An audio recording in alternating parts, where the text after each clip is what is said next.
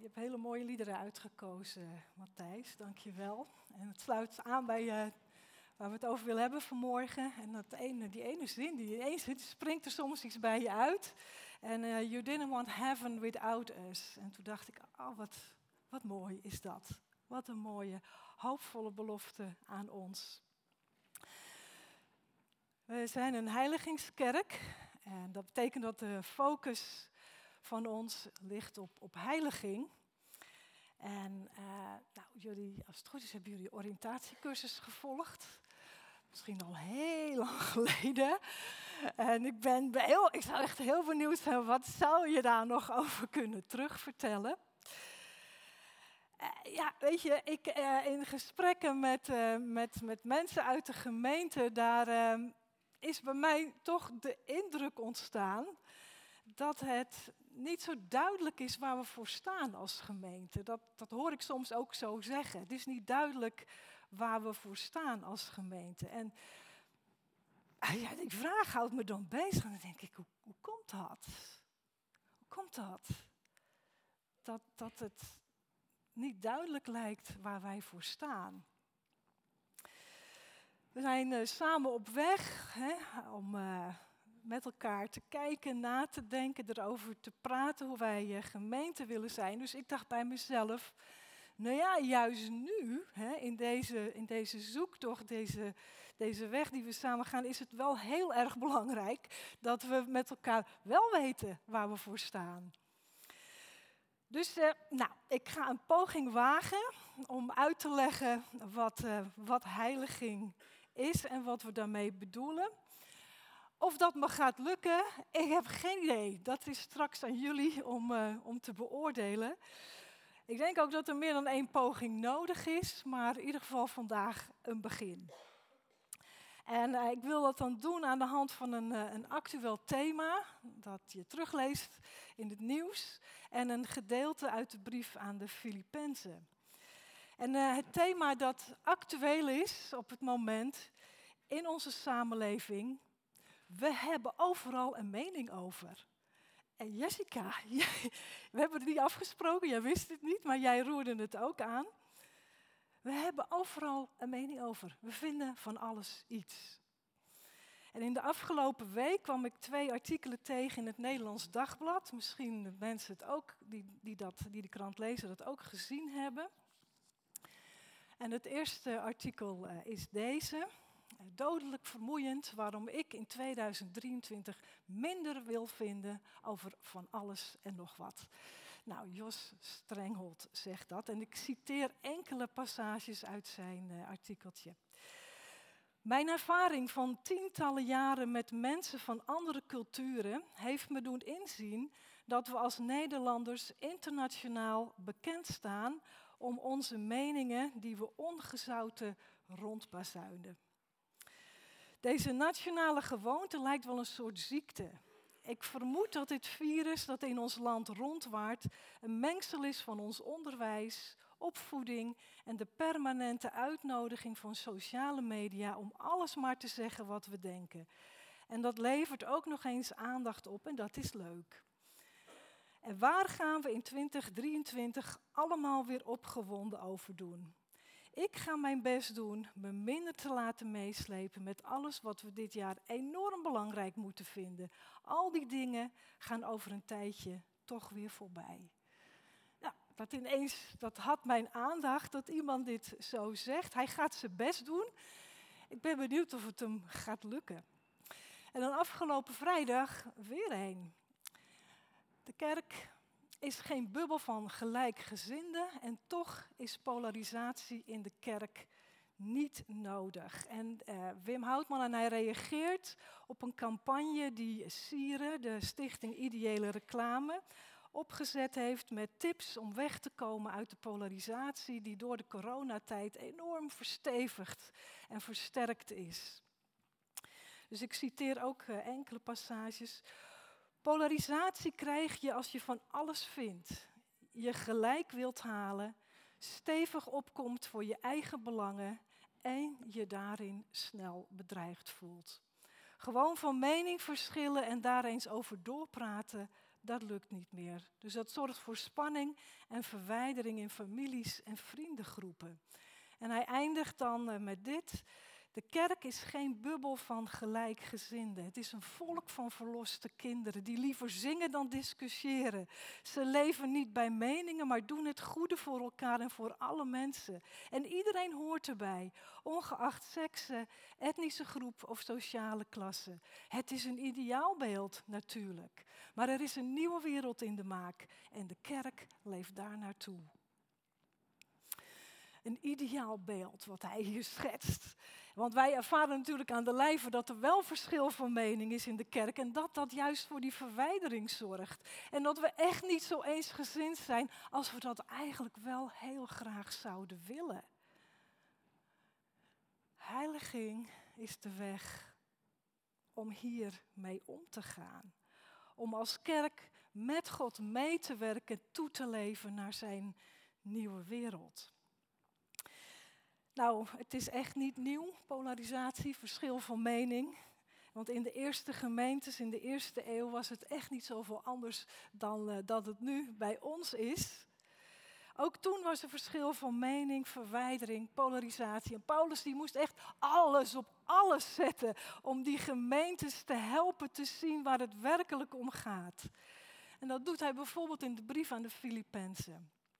Filippenzen 2. Handel niet uit geldingsdrang of eigenwaan, maar acht in alle nederigheid de ander belangrijker dan uzelf. Heb niet alleen uw eigen belangen voor ogen, maar ook die van de ander. Dus Paulus legt hier de vinger op de zere plekken. Verdeeldheid en oneenigheid, lieve mensen, het komt voort uit die drang in jezelf om je eigen mening te laten gelden. In de waan dat jouw mening en jouw visie en jouw zienswijze de enige juiste is. En dat je die waarheid aan de ander op moet leggen die het ook zo moet gaan zien. Dus wat hij zegt is, ja, weet je wat daaronder zit?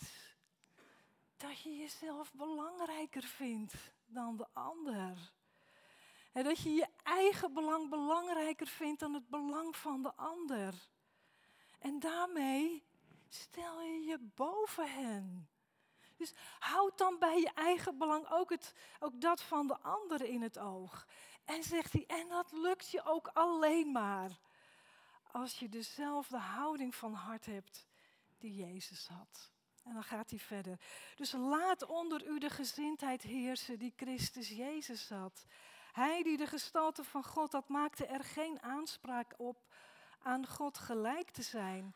Maar hij deed afstand van zijn positie en nam de gestalte aan van een dienaar. Hij werd gelijk aan de mensen. En als mens verschenen heeft hij zich vernederd en werd gehoorzaam tot in de dood, de dood aan het kruis. Ja, en daarom heeft God hem hoog verheven en hem de naam geschonken die elke naam te boven gaat. Opdat in de naam van Jezus elke knie zich zal buigen in de hemel, op de aarde en onder de aarde. En elke tong zal beleiden, Jezus Christus is Heer, tot eer van God de Vader. Dus Jezus zag zijn gelijk zijn aan God. Hij nam dat niet als een recht dat hem toekwam. Dat hij voor zijn eigen belang wilde opeisen. Hij dacht aan ons belang. En hij liet zijn blik over ons glijden en over onze situatie hier op aarde. En hij zag, het is nodig. Het is nodig. Het is noodzakelijk dat ik afstand doe van mijn recht, van mijn gelijk zijn aan God, om gelijk te worden aan ons. En daarmee nam hij de rol aan van een dienaar. Eigenlijk staat er slaaf. En een slaaf staat in een ondergeschikte positie van zijn meester en wordt geacht de wil van zijn meester te gehoorzamen en zijn eigen wil opzij te leggen. Dat, dat is waarom je een slaaf bent. Dus Jezus deed dat. Hij nam die positie aan, vrijwillig om slaaf te worden, om zijn eigen wil ondergeschikt te maken aan de wil van zijn vader, om in alles God te gehoorzamen. En die gehoorzaamheid die ging tot het uiterste, zelfs tot de dood aan het kruis. Dus Jezus bracht zijn wil, als ik het even zo kan doen, volkomen in overeenstemming met de wil van zijn Vader. Alles in hem. Zijn hart, zijn ziel, zijn denken, zijn verstand, zijn leven. Alles in hem was gericht daarop om zijn wil ondergeschikt te maken aan de wil van zijn Vader. En zich daaraan te onderwerpen. Of je kan het ook anders zeggen. Zijn wil was om maar één ding te willen. Eén ding te willen. En dat is zijn vader te gehoorzamen in alles. En daarin was hij zonder zonde. En dan zeggen wij, ja, dat deed hij voor ons. Hij stierf voor ons. Zeker, natuurlijk, dat is zo. Maar er is meer. Het gaat verder. Want er staat, laat die gezindheid onder u heersen die ook in Christus Jezus was. Heersen. valt me nu eigenlijk, het springt er dan ineens uit heersen. Dat is anders dan laat het zijn. Nee, heersen. Laat dat de overhand hebben. De gezindheid die Christus had. Dus die oproep is aan ons. Om precies diezelfde gerichtheid en gezindheid te hebben die Jezus heeft. Dus hij stierf niet alleen voor ons. Hij ging ook deze weg, zodat wij ook diezelfde weg kunnen gaan. En dat we worden zoals hij. Dat alles in ons, alles in ons, gehoorzaam is, erop gericht is om gehoorzaam te zijn aan de wil van God de Vader. Om ook onze wil in overeenstemming te brengen met Gods wil. Om slechts één ding te willen: God gehoorzaam zijn. Oftewel, God liefhebben boven alles. Hem liefhebben met heel je hart, heel je ziel, heel je verstand, al je kracht, alles wat in je is. Eén ding willen, God liefhebben. Dus het gaat om liefde. En ik vind dit een heel moeilijk woord geworden. Want het is een woord wat in onze samenleving uitgesleten is geraakt. Wij associëren het met een romantisch gevoel, emotie, met lief zijn of lief vinden. En dat is niet wat ermee bedoeld wordt. Liefde is een kracht. De grootste kracht die er is. Magnetische aantrekkingskracht. Die van God uitgaat naar ons. En dus ook omgekeerd. Dus liefde voor God is dat je je volkomen toewijdt, volkomen gericht bent op de wil van God. En liefde van God voor God is beleide, Heer, ik wil maar één ding. U toebehoren en u in alles gehoorzamen. Met heel mijn wezen, met alles wat in mij is, Heer. Eén ding wil ik. U gehoorzamen, uw wil doen. Dat bedoelen we als we het hebben over liefde.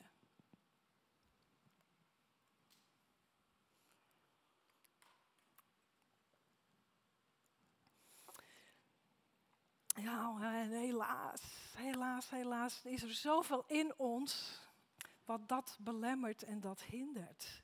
Om die liefde voor God en die gerichtheid op Hem, volkomen toewijding aan Hem, om dat in ons te laten opbloeien, zou ik zeggen. Er zit in ons van alles wat dat belemmert. En dus moet ons denken vernieuwd worden, ons hart gereinigd worden van eigen belang. En dat gaat niet even zomaar. Dat is een groeiproces. Dat proces begint op het moment dat we tot geloof komen. God plant daar een zaadje in ons wat kan gaan ontkiemen. En dat hele proces gaat door totdat wij onze laatste adem uitblazen. Het is een groeiproces en God wil het samen met ons doen. Hij geeft ons een eigen verantwoordelijkheid hierin. Blijf u inspannen voor uw redding. En doe dat in diep ontzag voor God. Want het is God die zowel het willen als het handelen bij u teweeg brengt, omdat het hem behaagt. Blijf u inspannen. Dus er is een samenwerking, wordt, vraagt God van ons. Hij vraagt een samenwerking van ons om het samen met Hem te doen. En Hij heeft die weg al helemaal voorbereid. Hij brengt dat verlangen ook in ons, dat willen en dat doen. Hij legt het in ons en zegt, en nu moet je zelf die volgende stap gaan zetten. Het is als in die gelijkenis van de vijf dwazen en de vijf wijze meisjes. Je lamp moet je zelf brandend houden. Het is je eigen verantwoordelijkheid. Kun je op niemand anders afschuiven. Dat is je eigen verantwoordelijkheid die je moet nemen. En God reinigt ons van dat wat ons belemmert om Hem volkomen toegewijd te zijn. Volkomen lief te hebben. En Hij vraagt van ons, en wil je daar gewillig aan meewerken? Wil je dat? Sta je daarvoor open?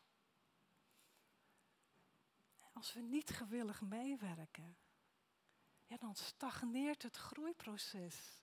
Dan kan God ook niet zoveel doen. En dan kan het dus zijn dat ons geloofsleven, onze geloofsgroei vastroest. Zit er geen beweging meer in om door te groeien. Nou, dit groeiproces deze samenwerking met God, dat bedoelen we als we het hebben over heiliging. En heiliging komt niet door je eigen inspanning, dat je zo erg je best doet om heilig te zijn. Nee, zo gaat het niet. Het komt door loslaten, jezelf overgeven, jezelf openstellen voor het werk wat God in ons wil doen. Een overgave gaat gepaard met crisiservaringen, met strijd, met worstelen. Want ah, die ik, die wil die we in onszelf hebben, die is zo sterk. Die wil zich niet ondergeschikt maken. Die wil niet in die positie van slaaf. Die wil in die positie van meester blijven. En daarom gaat het gepaard met worstelingen. Dat je denkt, oh Heer, is dit ook wat u vraagt van mij?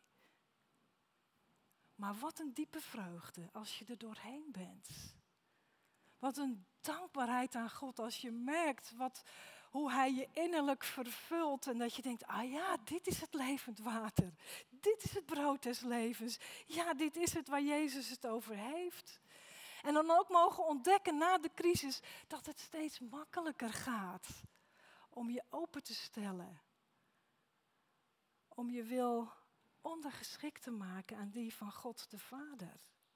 En dat die liefde voor God, de toewijding, dat het steeds sterker wordt en dat het waar is. Dat het een werkelijkheid is, dat de gezindheid van Jezus steeds meer gestalte in ons krijgt. Prachtig. Want, ja, ik vind het, ik heb er geen woorden voor. Ik denk, ja, dit is, dit is nou dat verborgen leven met Christus. Wat Hij ons wil schenken. Er valt nog veel meer over te zeggen. Dit was mijn eerste poging. En één ding is wel van groot belang. Want heiliging gaat altijd over praktische, alledaagse ervaring. Het moet uitwerken in het alledaagse leven. Het moet zichtbaar worden in het leven dat we leven, vooral in de relaties die we met elkaar hebben. Dus ja, het gaat hier niet over een set van gedragsregels waar je je aan moet houden en dat je dan kan zeggen, ja, en nu ben ik geheiligd. Het gaat hier ook niet over een dogma, het gaat niet over leerstellingen waarvan je moet zeggen, nou geloof je daarin, neem je dat aan. Nee, het gaat over een wijze van leven. Een wijze van hoe je in het leven staat. Een wijze van hoe je op God gericht bent hoe je met Hem leeft van dag tot dag. En misschien maakt dat het dan ook wel soms wat lastig om te begrijpen van waar hebben we het dan over en waar staan we dan voor? Ik weet het niet. Zou kunnen. In elk geval geldt ook nu dat dit praktisch gemaakt moet worden. Want anders blijven mijn woorden ook gewoon weer theorie.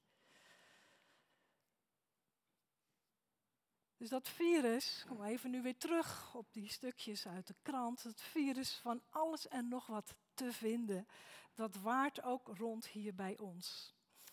En het drijft ons uit elkaar in plaats van naar elkaar toe en het zorgt voor verdeeldheid in plaats van eensgezindheid. En we kunnen er heel duidelijk over zijn. Dit is niet de wil van God. Dus dit is niet de wil. Ik dacht even dat die van mij was, maar dat kan niet. Dit is niet de wil van God. Dit is onze wil niet in overeenstemming met Gods wil. Daar zullen we toch allemaal mee eens zijn, toch? Nou, we weten inmiddels ook van elkaar dat we van alles vinden over de diensten. Wij hebben een mening over de liederen. Over welke liederen we zingen en welke niet. Over hoe we zingen, over de muziek, over hoe er gespeeld wordt, over wie er speelt, over het geluid, over wat er op het podium staat en hoe het op het podium staat. Over degene die spreken, over wat ze zeggen, over wat ze niet zeggen, over hoe ze het zeggen, over hoe kort of hoe lang er gesproken wordt, over de uitstraling van de spreker, over wat de spreker aan heeft, over het open altaar, of er stilte wordt gehouden en hoe lang of hoe kort het wordt gehouden, over waarvoor gebeden wordt en waarvoor niet, over hoe er gebeden wordt over de mededelingen, waar die in de dienst moeten zijn en of die wel in de dienst moeten zijn. En welke mededelingen er gedaan worden en hoe de mededelingen gedaan worden. Over hoe kort of hoe lang de dienst duurt. Over wat er niet in de dienst is en over wat er wel zou moeten zijn. Over wie waar zit, op welke stoel. Over de camera's, over de techniek, over de collecte, over de koffie, of die wel lekker is, te slap of te sterk. Over de koekjes, of die er wel zijn en over welke soort er is. En dan nog over al die dingen die ik niet genoemd heb. Dus wij vinden van alles en nog wat over de diensten. En wat ik vind en wat mijn mening is, daar zit onder verborgen wat ik wil. Ik wil het hebben zoals het mij zint. Ik wil het hebben zoals het mij aanspreekt. Ik wil het hebben zoals ik het nodig heb. Ik wil het hebben zoals ik het wil. Dus wij worden opgeroepen om de gezindheid van Christus te laten heersen hier in ons midden.